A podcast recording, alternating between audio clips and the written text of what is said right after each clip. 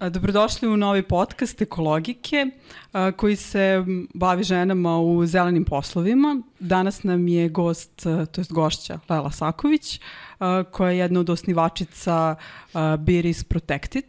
Lela, recite nam šta je to zeleno u platformi Biris Protected?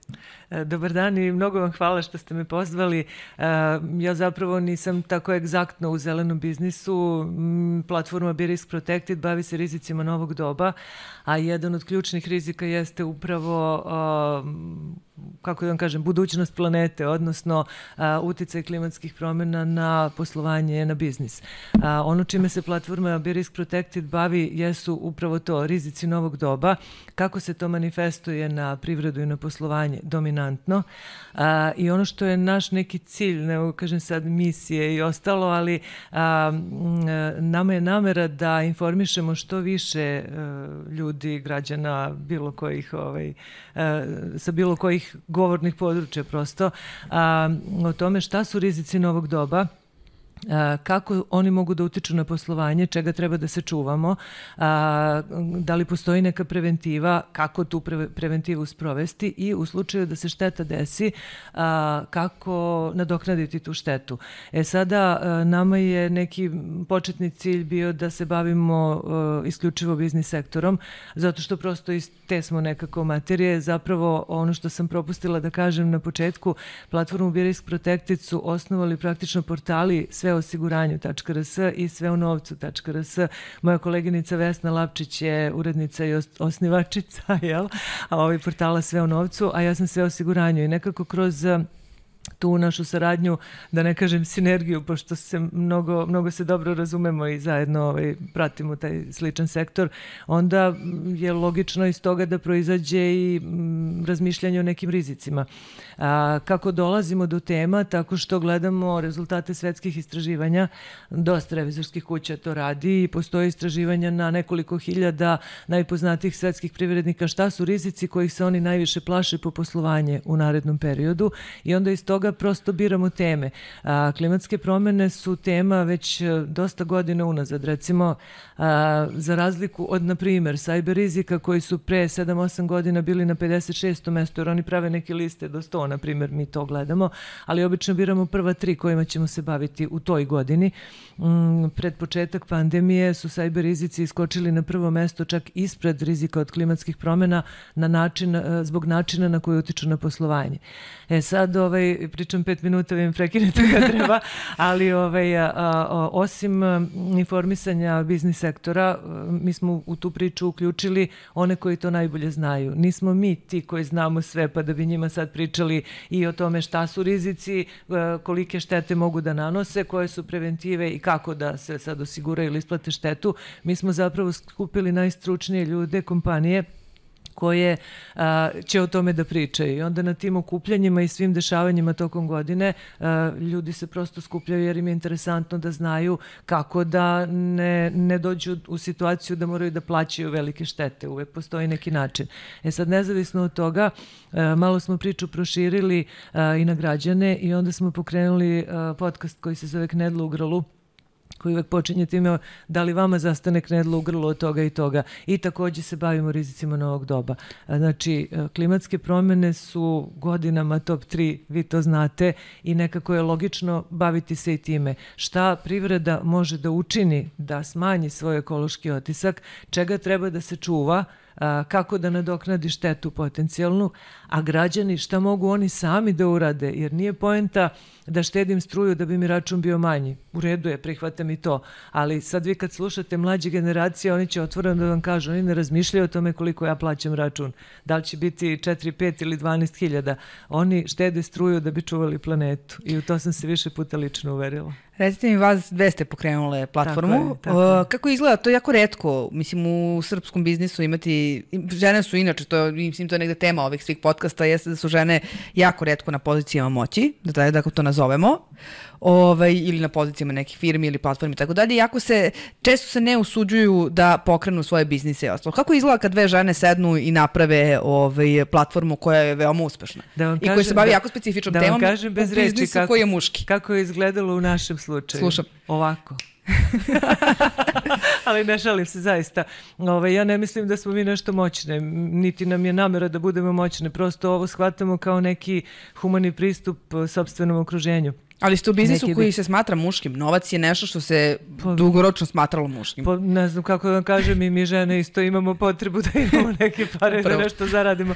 Ali nije ni poenta što se ovo konkretno tiče, jer mi radimo i neke druge stvari. Prosto ovaj, ovo je nastalo pre par godina i u sklopu te platforme organizujemo konferencije svake godine po jednu, gde opet odaberemo ta tri top rizika, pa onda neki ljudi dođu, slušaju, učestvuju. Sad su te konferencije već postale i onako uh, ozbiljno reli, uh, regionalne, da, da, da kažem.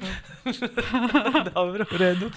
Ove, ovaj, tako da sve veće interesovanje izazivaju zato što ljudi dobijaju konkretne informacije. Znači, to nisu događaje promotivnog tipa i naše je doživotno opredeljenje. Naravno da treba troškovi da se pokriju, ali ne da dolaze učesnici koji će da pričaju mi smo najlepši, naj, najbolji i pogledajte da smo našli inspiraciju za bla bla, nego na postavljene teme da daju konkretne odgovore i onda ljudi iz e, biznis sektora koji dolaze da slušaju, oni dobiju vrlo konkretne informacije i upoznaju kvalitetne ljude, tako da je to poenta.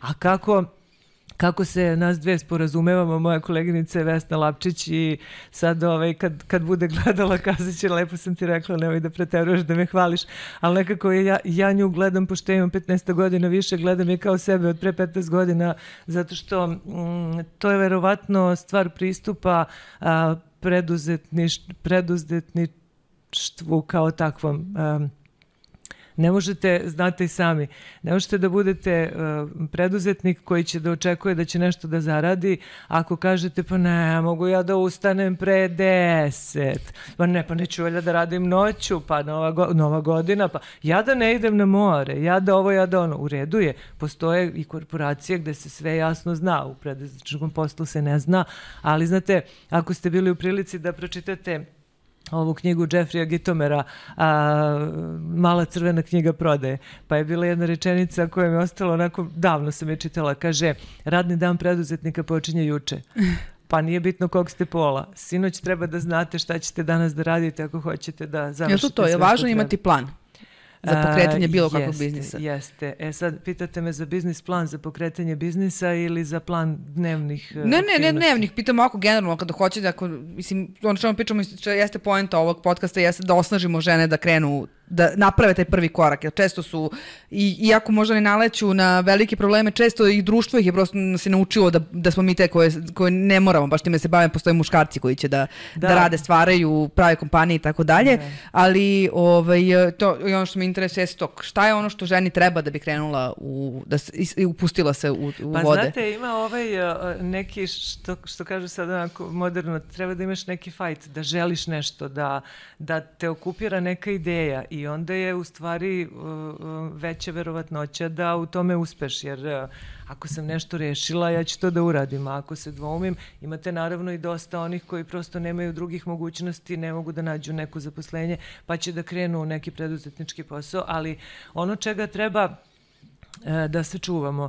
To su vam ljudi oko nas koji će da vam govore a, nemoj nije sad vreme, ja da vam kažem za evo sve ove godine ja sam otvorila firmu prvo 2006. To je onoliko godina, više od 15-16. Um, nikad nije vreme uvek je vreme. Znači, i u najgorim okolnostima i u najboljim. Kod nas ne postoje najbolje okolnosti ovoliko dugo i ne postoji ništa što je večno. Stvari se poslednjih godina tom brzinom menjaju da prosto moramo da, da nekako budemo spremni i da se, da se nekako na, na, natempiramo, da očekujemo te promene i onda sami živimo promene. I onda nam je mnogo veća verovatnoća da a, a, shvatimo kad je isteklo vreme za jedan posao koji radimo i da već lagano pokrećemo drugi. I da, da e, koliko god govorili, treba da čuješ i suprotno mišljenje. Da, treba da ga čuješ, ali ne moraš da ga poslušaš. To je meni naj, najznačajnije. Zato što će vam reći, nisi ti za to a mnogo malo treba ljudima koji nemaju recimo baš ono top samopouzdanja, mnogo i malo treba da padnu 3 metra pod zemlju i da počnu da veruju da oni zaista nisu za to. Kako znaš ti da ja za nešto nisam kad ti nisi ja? A drugo, ne mogu da znam ni ja ako nisam probala. dok ne probam ne znam. Znači, a, i kad bilo šta pokušavamo, kad tražimo novog klijenta, kad a, nam a, hoćemo nešto što u ovom trenutku nemamo. Samo zamislite da ja se nalazim ovde i trenutno ovo, na primjer, nemam a želim ga, treba mi za posao za bilo šta. A, kad sam ovde, ja sam na nuli. Ako pitam, a, imam 50% šanse da kažu može. Znači, ja onda imam 100% svega. Ako kaže a, ne može, ja ostajem na istom gde sam bila. Niti mi pada kruna s glave, niti ću da se vratim na nešto drugo. Ali mogu ja ispričam vic? Naravno. Naravno. pa mnogo je zanimljivo što se tiče ovaj, ovoga o čemu sada pričamo. E, kaže, izmislio recimo meda listu za odstrel i čule šumske životinje i sad jedna po jedna dolaze, dolazi Lija, kaže, jeli medo je listina da imaš listu za odstrel? On kaže, jeste. Jesam ja na toj listi? On gleda, kaže, jes. Jo, ode Lija kući, nađe sutra mrtvu. Sutra dan dolazi recimo Vuk. Medo je listina da imaš listu? Imam.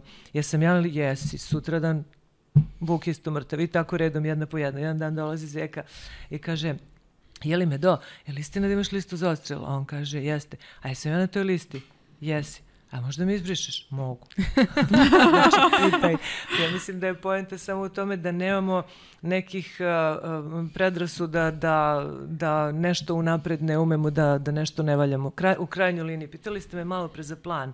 Važno je imati plan. E sad, ljudi nisu baš uh, toliko spremni da, ajde u redu je, pravimo biznis planove, to je sad nešto aktualno, sve to super. Ja sam recimo u privatni biznis uskočila, moram otvoreno da vam kažem, kao guska u maglu. Pojma nisam imala o biznis planu ni ništa, ali sam učila vremenom Imala sam srećan splet okolnosti da sam sarađivala prethodno sa nekim vrlo, vrlo ozbiljnim poslovnim ljudima, kompanijama, organizacijama, pa smo se tu nekako našli i cela priča je krenula.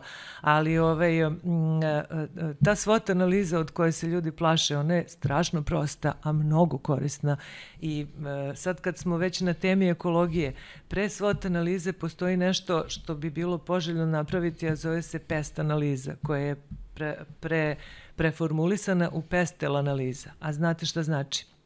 P političko okruženje, E ekonomsko okruženje, S sociološko, znači i socijalni, socijalna struktura te, te sredine gde hoćemo da radimo, šta ide dalje, T tehnološki i to, je, to se zvalo pest do skoro, a onda su ga proširili sa još jednim slovo e, slovom, slovom E i slovom L, a ovo E je ekološko okruženje i ekološka svest, zato što je očigledno to sve važnije. I ovo na kraju je legal kao pravni sistem i to kad e, sagledamo okruženje, onda odlučujemo šta je dobro da tu radimo. Kad mi pronađemo uh, našu rupu u švajcarskom siru, a reći ću vam zašto sam to rekla, onda radimo tu svot analizu. Šta su moje prednosti, šta su moje nedostaci, šta su prednosti okruženja za tačno to što ja hoću. Ja hoću da radim to i onda radim svot analizu za to. Šta su prednosti okruženja da ga prihvati, a šta su nedostaci, odnosno neke rupe koje bi mi možda mogle da mi smetaju. Kad to otkrijem, eh, a najvažnije znači prednosti i mene lično i okruženja mi podižu samopouzdanje, ali ne smem da dozvolim ni da mi ono što su nedostaci uruše samopouzdanje, nego to da vidim da unapredim. Za nešto mi treba, ne znam, nemački jezik, ne znam nemački jezik, pa i da ga naučim ako mi je do toga stalo, ništa nije nesavladivo. A zašto vam kažem ovaj rupa u švajcarskom siru? Opet se setim knjige uh, ko, uh, ko je maznuo moj sir. Jeste, čuli ste verovatno, da, da. to je knjiga koja je bila top. Ona je upravo neko da kažem, onako uh, vrlo slatko i, i, i simpatično objašnjeno uputstvo za uh, ulazak u preduzetništvo. Radi se o četiri miša koji su ušli u neki lavirint, sad se prisećamo od pre ko zna koliko godina i onda su našli jedno kao nalazište sira, seli tu, zakupali se i klopaju ko njima je tu super, ima tu sira za još ohoho, a jedan od njih koji je zapravo taj miš e, personifikacija ovaj, preduzetnika e, koji drži patike okačene na ekseri, svako jutro ustaje pre nego što svane i trči po lavirintu da nađe novo nalazište sira. I zapravo u tome i jeste poenta. E, ja u ovom trenutku radim ovo i super mi je i ide kinta i svima se to mnogo sviđa i svi su oduševljeni, ali ništa nije večno, a posebno u ovolikim promenama. Non stop je neophodno e, gledati trčati po tom lavirintu koji je svuda oko nas i gledati gde još ima tog sira, ali ne mora da bude isti, gde ima hrane bilo kakvog uh, tipa. Znači, uh, uh, postoje uvek one one krive rasta a, svakog posla koji počnete. U prvoj godini on onako lagano raste, u drugoj onako fino krene da raste. E, a, kad dođe na svoj vrhunac, treba da prepoznamo gde je vrhunac posla koji trenutno radimo, a onda u to vreme baš u to vreme, pre nego što dođe dotle, da smišljamo nešto novo što će da ga prati, jer iza ovoga kreće lagano pad. I onda vi stalno imate nešto što vam je aktualno, nešto što raste i moramo da se opraštamo od onoga što je prošlo, jer je, e, skloni smo mi inače da se mnogo vezujemo za, za ovaj nešto kao to je moje čedo, moja firma, ja pravim šolje i ove šolje i onda sad imate gomilu ljudi koji će da očajavaju zato što njihova profesija više nije aktuelna. Imam sjajnu ne... anegdotu za to. Izvinjavam se što upadam, ali ajde da tamo razbijemo davnih dana, još 2012. Amba, ambasadorka jedne zemlje, ne, ne znam da smem da pominjem koje, da. članice ne i zapadne zemlje, veoma razvijene, je, držali su neka predavanja, sam to radila u jednoj od nedeljnih redakcija i bio, imali smo neke, imala neko gostovanje kod nas i tako dalje, onda smo pričali svačemu, svačemu nečemu, a jedna od tih stvari jeste i ta prilagodljivost kad smo već otišli na prilagodljivost. Svi smo pričali nešto i ona kaže, bila je do na jogu Srbije, ovaj, i pričala je sa ljudima koji proizvode papriku, koji su kukali u tom trenutku je bila neka kriza, jel te, ovaj, sa Kosovom i nisu mogli da izvoze dole i onda njih pitala što se ne prebacite na šparglu, ovo, ovo je podneblje koje je sjajno za proizvodnju špargle, ali prosto nema, ovaj, nema ona, ona se dobro naplaćuje, tako dalje. A oni su rekli, ne, ne, mi pravimo papriku. I to je to, to je suštinski ono znači, važno je prepoznati biznis. Ja neću, ovaj, prepuzet ću sad Milani, pošto ja, ja, ja sam možda urednica ekologije, ali ona je ekspert za ekologiju i klimatske promene i sve ostalo, da pričate malo i o, o vašem izdanju o klimatskim rizicima i svemu ostalom što ste uradili. Da, da, ono što sam htela da pitam jeste da li uopšte danas možemo da pokrenemo biznis, da li ima smisla pokrenuti biznis koji nije u skladu sa ciljevima održivog razvoja? Nekako mi se čini da bi to bilo, možda je pregruba reč, ali to bi bilo nemoralno u ovom trenutku. Zašto da radimo to? Ja bi se osjećala kao ono kao da li da pokrenem, ne znam, biznis sa marihuanom, lupam, da ne idem u nešto teže.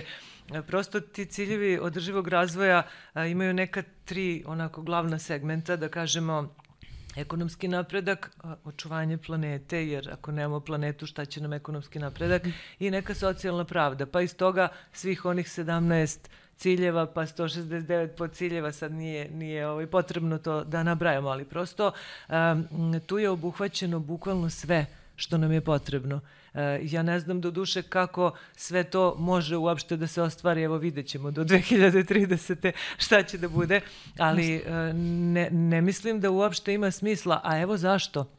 Uh, osvestili smo se i mi stariji, ali nove generacije koje dolaze, oni ne žele da kupuju garderobu uh, iz, uh, koje proizvode kompanije, koliko god da je to lepo, kompanije koje uh, koriste, eksploatišu decu, da to, na primer, da, u proizvodnji, koji su obećali pijaću vodu u nekoj afričkoj državi, pa nisu to obezbedili, pa ljudi zbog njih imaju malariju. Sve se to zna. Mreže nam omogućavaju mnogo saznanja. Uh, dolazimo do toga da neće da se zapošljavaju zapošljavaju, zvučaće nekima neverovatno, ali svojim ušima sam čula da neće da rade u kompanijama čiji zaposleni voze automobile na fosilna goriva.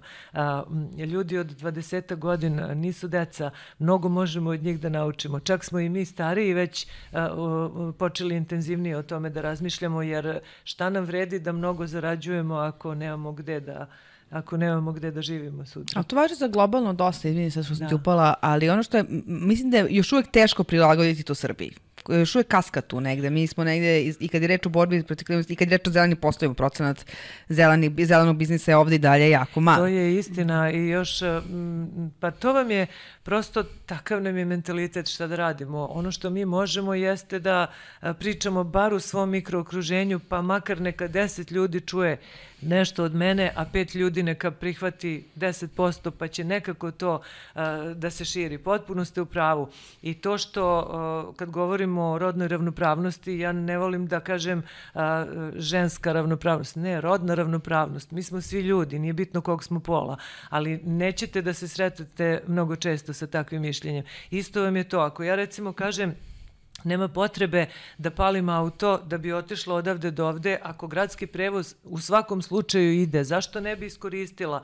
A ljudi me gledaju kao, ma daj šta glumiš. Pa ne glumim i to je moje i to je u redu. Da, mora se ako kažem, Tako je, ako kažem da ja lično ne volim meso, pa sad eh, neću ni da ga jedem i to je samo moj izbor. Da. Ali ako kažem eh, da to mogu da povežem i sa ekološkim otiskom koji ostavlja proizvodnja govedine i neću da je jedem, 98% ljudi u mom okruženju neće da kaže ili da prećuti ili da me izignoriše. Ne, nego će početi da pričaju viceve na račun toga uzdižimo, uskliknimo čvarcima s ljubavlju ili što god. Mislim, da. Izvinim, Jasno, da, ne, ne, da, ja ali prosto, su pravo. Prosto bila sam u toj situaciji i onda u redu je, ja neću da pričam, radit ću kako ja mislim, pričat ću onima koji me razumeju. I, I dajte uzor i, onima koji vas posmatraju sa strane. Tako je, tako je. I valjda će se priča proširiti. I sad naravno mi možemo da pravimo podcaste i da pričamo, pa kome se dopada prepoznaće. Uspeli smo sa Jasno. biznisa, preko ekologije stignemo od čvaraka. Da, da, to, koje, koje ne jedu već 15 godina, inače. Kako ko? Kako I ko? naslušala sam se viceva, tako da se nalazim ovaj, da, u toj da, priči da. u potpunosti. A drugo, znate, ja ovaj. od kad imam kućnog ljubimca, ja kad vidim meso nije mi dobro. A kad vidim njega i pomislim na meso, kao ne, ne, tebe više volim. pa da, da. Ove, ovaj, što sam htela da pitam, uh, koliko stvari uh, koliko je to prostor za žene? Da li žene uh, koje nisu toliko do sad bile u biznisu, koje nisu toliko jurile za profitom, možda imaju uh, više uh, senzibiliteta za uh, celinu kada ulazi u biznis? Uh, sa ekološkog aspekta ili uopšte? Uopšte, uh, uopšte, kada pričamo o o ciljevima održivog razvoja, oni podrazumevaju jedan celovit pristup biznisu da, i da, da. zapravo životu svemu, uključujući i planetu. Da. To je bitan aspekt. E, da li žene možda uh, sagledavaju uh, više u većoj meri holistički sve?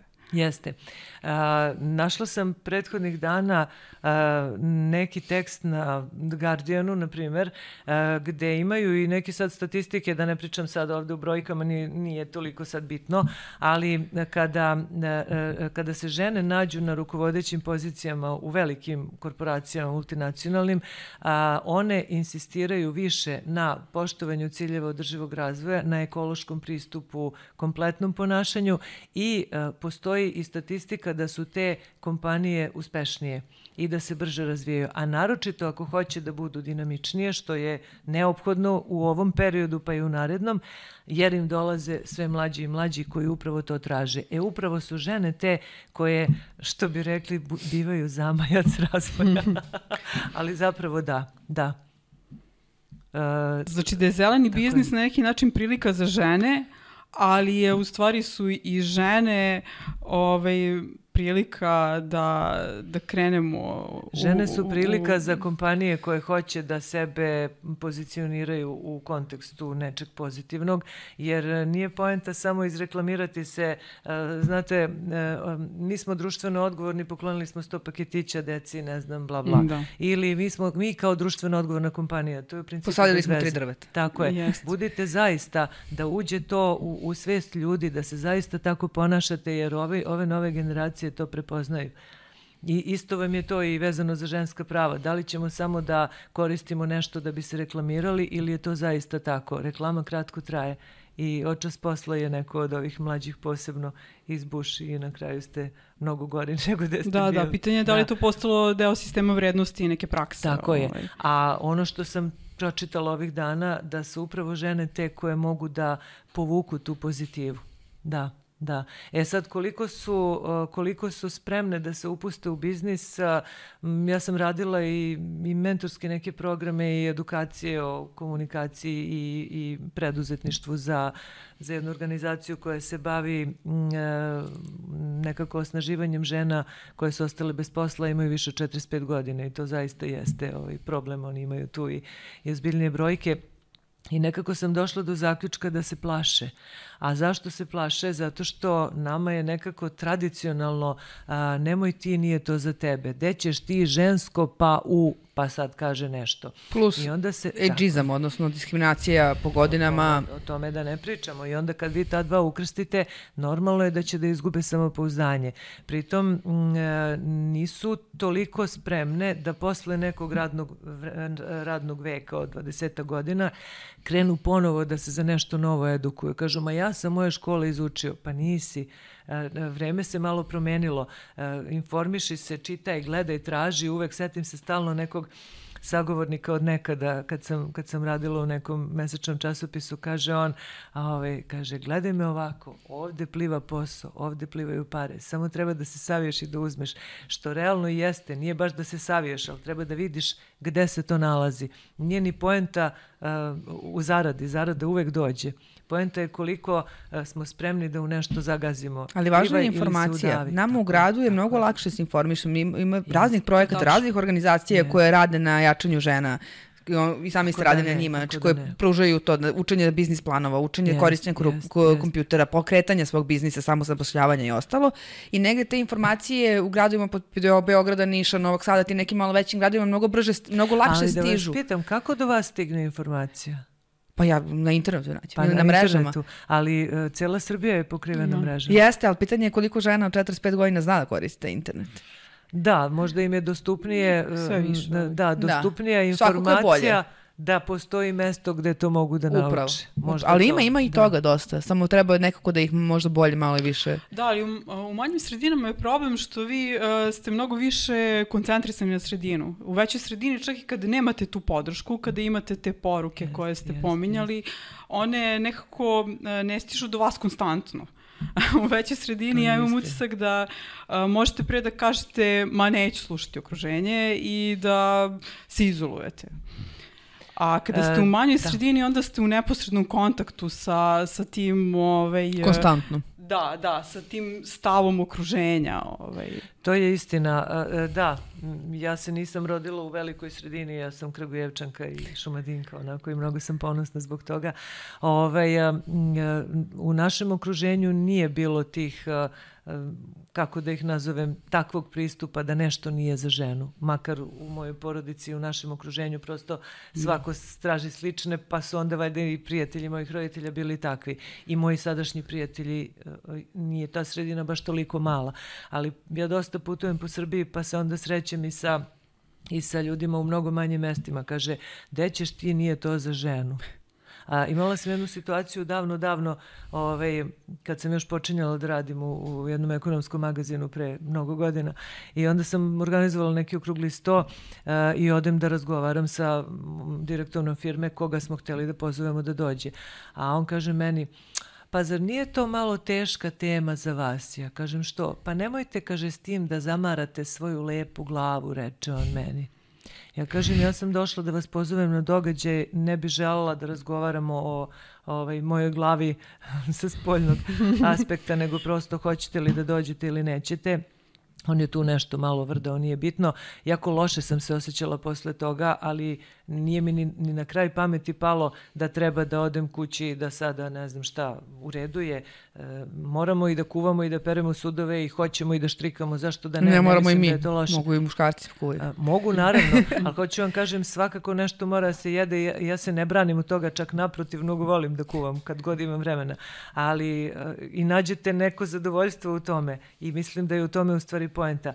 I ne kažem da treba da se otimamo od toga, ali e, nemoj da me ponižavaš time što ćeš da prelaziš sa teme koja je bila okrugli sto vezan za, ne znam, restrukturiranje jednog ozbiljnog sektora, da prebacuješ temu na nešto što nema nikakve veze sa onim zbog čega sam ja došla. Šta, da me poniziš? Nisam dozvolila, naravno, na kraju je došao, pa šta god bilo. Ali bivalo je takvih situacija i vidim da ih ima još po, po, po manjim mestima baš onako dosta. Kao recimo kad uh, odete u restoran na ručak uh, i sami ste, zato što ste gladni, otišla sam sama i gladna sam i hoću da jedem, a onda posle pola sata mog čekanja dođe konobarica pa mi kaže, kad je nekako dozovem, kaže, pa ja sam mislila vi čekate gospodina. Ne, ja čekam vas, zato što želim da jedem. Ja to želim, ne treba mi čeka kad pokreću biznise, nego same. Tako je. Znači, to da će vam neko pomoći, uvijek imate prijatelje. Ja predlažem, onako iz ličnog iskustva, mislim da je bolje naći ljude koji vas podržavaju, pa makar i ne uspeli na kraju, ali brže ćete uspeti ako vas, naravno, treba da čujete i suprotno mišljenje, ali ne da ga prihvatite kao svoje. E zato služi taj plan ili svot analiza. Najlaš, najbolje ćete sami pred sobom znati gde, ste, gde, gde imate nedostatke i da se potrudite da ih ispravite. Nikad nije vreme i uvek je vreme, a ja sam više za to da je uvek vreme. Skoči u hladnu vodu ili isplivaj ili se udavi, a udaviti se nećeš. Eto. ja sam ukrala Milani sagovornicu, imaš ti još nešto da pitaš ili... Pa ne, mislim da je ovo sjajan ovo, zaključak. Da, da, da, da, da, da, priča sama sve vreme. Da, da, neka, neka. Ali eto. Tri novinarke sede ovde, tako da nije bilo... Lepo, pa ne, jako je lepa tema, pa onda ne možete me zaustaviti. Neka te u redu. Da, da, da, super je završeno. Ja, ja sam uh, samo, ne, ako imamo vremena, vratila bih se korak unazad i uh, pitala um, šta pokazuju analize, šta kažu stručnjaci, kakvi su to rizici od klimatskih promjena? Zašto je dobro baviti se ekološkim biznisima. A, između ostalog, eko startupovi su zajedno sa zdravstvenim startupovima, odnosno tim aplikacijama koje se tiču zdravlja, trenutno najbrže rastući u svetu. Pa onda, na primjer, vi imate a, start-upove koji su vezani za a, ekološki start-upovi koji za pet godina doživljavaju neki rast od 8-9 hiljada posto, čija vrednost prelazi 50 miliona, gde se investitori i više, znači imate te unicorn firme koje su upravo oni koje, koje prelaze vrednost veće od 100 miliona koje e, su upravo iz ekološkog biznisa. I ima ih koliko hoćete. Sad da ukucate eko i unikorn, izaći će vam najmanje 15-20 u svetu.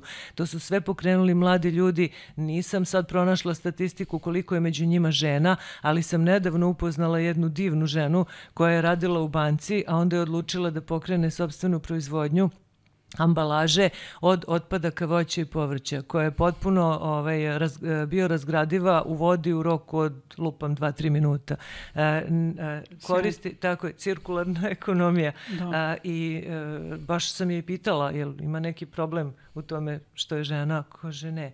E, znala je šta hoće, krenula je u nešto, videla je da je to dobra mogućnost, pritom radi vrlo human posao i ne vidim da ima nekih problema zbog toga što je žena. Da, da, očigledno da žene prepoznaju priliku u tome. Da, da i žene i muškarci. Bilo je tu i uh, bio je još, to, još jedan jako zanimljiv dečko na nekom panelu nedavno ovaj, o održivoj ambalaži uh, koji je pričao o uh, od gljiva, odnosno oni proizvode gljive pa od njih valjda koriste sve što može za pravljenje lekova, a od tog otpada prave nešto što je ekološki stiropor koja je zamena za stiropor isto je bio razgradivo za vrlo kratko vreme. Tako da mnogo je ideja, ali ono što sam ih ja tada pitala koliko su domaći investitori zainteresovani da ulažu u to, onako su prilično snuždeno mi rekli da domaći nisu. Za razliku od uh, tih poslovnih anđela po svetu koji su prepoznali da je tu u stvari ovaj, biznis i da je to oblast koja omogućava uh, neverovatno veliki rast. Što znači da mi kasnimo za svetom u pa, tom smislu? Dobro, Ta, takva nam je karma. A da li shvatamo rizike? Da li Čini shvatamo da rizike? Shvatamo. Čini mi se da ne shvatamo zato što je, mislim, jasna stvar, kapital je očigledno na prvom mestu, ali šta ćemo s kapitalom ako nas potope ovi okeani i ako se to sve lepo... Nama je gost bio nedavno na u jednom podcastu profesor Vladimir Đurđević, njega znate, da. njega znaju svi. A, I onda nam je ispričao jednu interesantnu stvar. Kaže, evo, znate li vi da postoji a, sad na stranu a, kakve su sve opasnosti da možemo za 50 godina da budemo potopljeni? Ne, sad kao neće Armagedon baš sutra, ali dobro, to zavisi od nas. Ali kaže, znate li vi, kaže da je, ne znam koji je datum, na primjer u junu, julu mesecu, kaže dan kada treba da zagrlite svog klimatologa. I mi se kao smijemo evo zašto, kaže, pa vi ne znate, kaže, ono što klimatolozi vide, oni su pod takvim strašnim stresom da je došlo dotle u čitavom svetu, da je došlo dotle da im je potrebno da postoji jedan njihov dan kad ih neko grli da ih uteši zbog svega što znaju. Ali očigledno mi ne znamo još uvek. ne znamo i sve mi se više čini da, o, o, naročito ove starije generacije, recimo kad uh, vi razgovarate, kad ja razgovaram sa starije šta god, mi mlađe generacije, jel? da. kad razgovaram, na primjer, sa svojim vršnjacima, pa onda kažem uh, zašto, šta mi je teško, stvarno, zašto mi je teško da ugasim svetla, da isključim te punjače, da nešto, da uradim, da idem autobusom u krajnjoj liniji, jer on već ide. Uh, kaže, da, ja ću da štedim, a ove fabrike će da rade to i to. Pa da, ali da li je meni pred predamnom samom dovoljno opravdanje to što fabrike rade to i to. Mogu da apelujem na fabrike, mogu da govorim ljudima štedi ti, pa ćemo doći do kritične mase koja će možda uspeti i fabrike da malo Jedna sagovornica je upravo to, ovog, ovog istog podcasta na istu ovu temu žena u biznisu rekla. Da možda mi kad radimo to sami i radimo za sebe, onda možemo mnogo lakše i mnogo bolje pokažemo na prstom one koji to ne radi i kažemo, e, vi ne radite ovo. Tako je. Na kraju krajeva imamo leđe za to. Tako je. Ali to je upravo ono što mi sad radimo u ovom razgovoru i to je ono što vi radite Jeste. kroz uh, Beer is Protected. Jeste. Pa mi objašnjavamo ljudima kakvi su sve rizici i šta sve može da im se desi, a ona stvar koju smo shvatili uh, posle dugogodišnjeg iskustva u komunikaciji s ljudima da Uh, naj, najpre će vam poverovati ako im objasnite da postoji rizik po njihovu zaradu. A, a postoji rizik de facto. Da. Znači, a, nova podela sveta sprema se između ostalog i zbog klimatskih promena koje jesu uzrokovane. Prethodnih dana sam čitala neke analize ovog svi onog, svi sre što izdaje Sigma, jedan časopis gde se govori upravo o tome kako će nova podela sveta uticati na sektor osiguranja koji će u stvari tu da se nađe u prilično ovaj, teškoj situaciji. Ali a, E, e, klimatske promene su pojačane e, ratom u Ukrajini, pandemija je takođe uticala na, na to da ono što, se, što svetski stručnjaci predviđaju kao naredne korake će biti ne globalizacija, nego na, e, vraćanje na nacionalne ekonomije. Centralizacija. Tako, i vraćanje da. na to, oni zovu to nacionalizacija, ali da. dobro, zovemo Zvuči, ga kako god. Da. Tako je. A šta će se onda desiti sa svim ovim što je pokrenuto? I onda se svi nekako vraćamo na nešto što je već bilo. Krenuli smo u nešto veliko, u potrošačko društvo, ovo ono, tu otprilike mogu da pokrenu i krajnjoj liniji... Znači Srbija baš... ostaje jedan na istom u stvari. Ko može znati. Ali da. kad stvari krenu da se dešavaju ubrzano, onda vidite i kad je krenula korona, pa niko sanjao nije. I rizik od pandemije je bio na ko zna kom mestu na tom spisku. Onda je naravno iskočio na prvo mesto. Kad neka kriza krene da se dešava, onda se ubrzano nalaze rešenja i uvek se nađu. Da, ali na kraju se vratimo na nas same Tako je, na tako to šta mi sami treba da uradimo i na to šta mi kao žene možemo da uradimo, zapravo da ne kažemo da smo žene, da, da nam je to bilo kakva prepreka. Pa ja nemam iskustvo lično u smislu da, da sam imala bilo kakve prepreke osim to kad sam bila mlađa, ali dobro, mlađi si pa si, da ne kažem gluplji, ne gluplji naravno, ali prosto nekako iskustvo nosi, tako je, iskustvo nosi neku, neku drugu vrstu samopouzdanja i u krajnjoj liniji pročitali ste svašta za sve ove godine unazad, pa ne možemo sad više da pričamo na istoj ravni kao pre mnogo godina. Ali m, mm, istina je da živimo u muškom društvu i istina je da uh, žene treba da podržavaju jednu drugu, da ne zalazimo sad u ove priče o zlostavljanju od kojih stvarno, znači, e, prosto se pitam kako pokrenuti žene da konačno kažu čekaj, ja sam ljudsko biće, a to isto može u drugačijim rečima da se prenese i na biznis sektor. Znači, e, reći ću vam posle i, on, i onaj deo što znate verovatno da žene zarađuju u proseku 12% manje, 15% da. za istu vrstu posla, za isto obrazovanje. Ali s jedne druge strane, ja moram jedan primer da kažem, mnogo je davno bio, ali sam se sretala sa sličnim situacijama i kasnije. Mm, zatekli smo dvoje u parku kako muškarac tuče ženu svoju, šta god. Uh, A, I sad e, majka od moje drugarice zajedno smo išle prilazi da ih razvadi i počinje da a, e, viče na muškarca. U jednom trenutku se okreće žena prema njoj hvata je za ruku i kaže šta se ti mešaš, moj me čovek bije.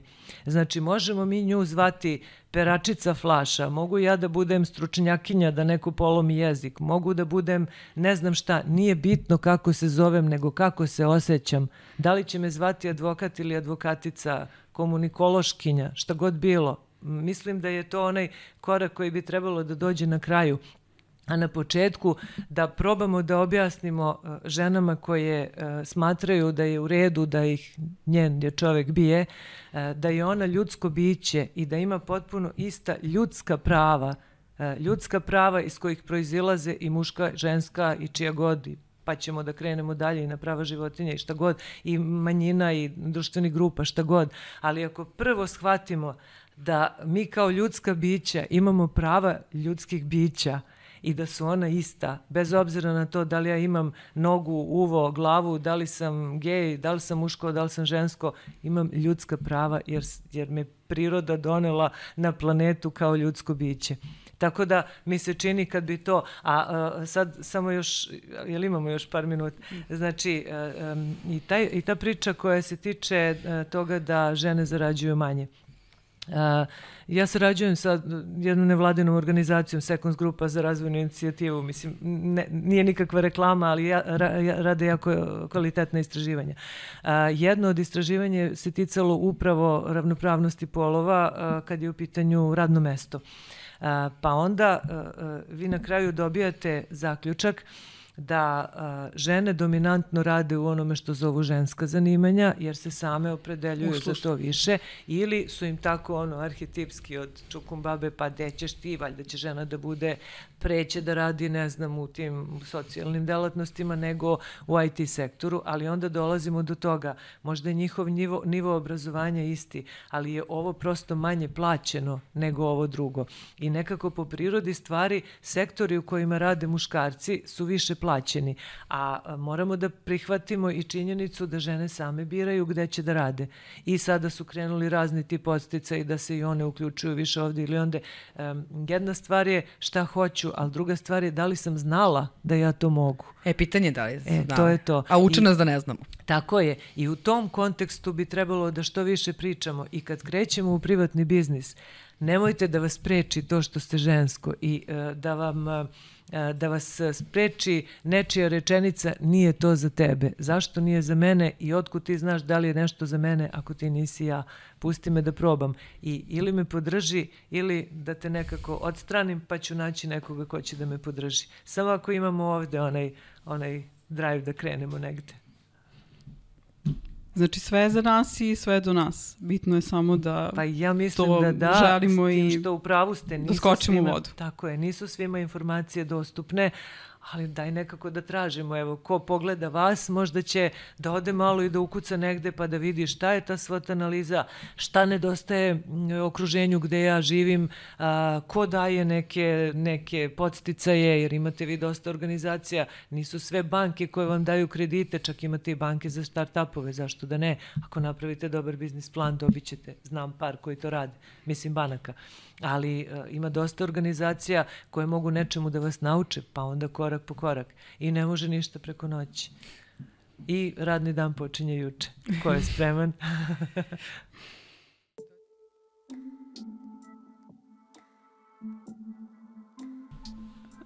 Čuli smo od Lale vrlo inspirativnu priču. Čuli smo ovaj, um, da smo svi jednaki, da nema nikakve veze da li smo muškarac ili žena. Uh, da čuli smo podatke koji pokazuju da su zeleni biznisi nešto u šta što, što je velika prilika u svetu, nešto što bi trebalo kod nas tek da zaživi, što je prilika za svaku osobu uh, kod nas i da ne bi trebalo da razmišljamo o tome uh, da li uh, je to za nas. Samo treba da znamo da hoćemo i da skočim u vodu, možda već danas.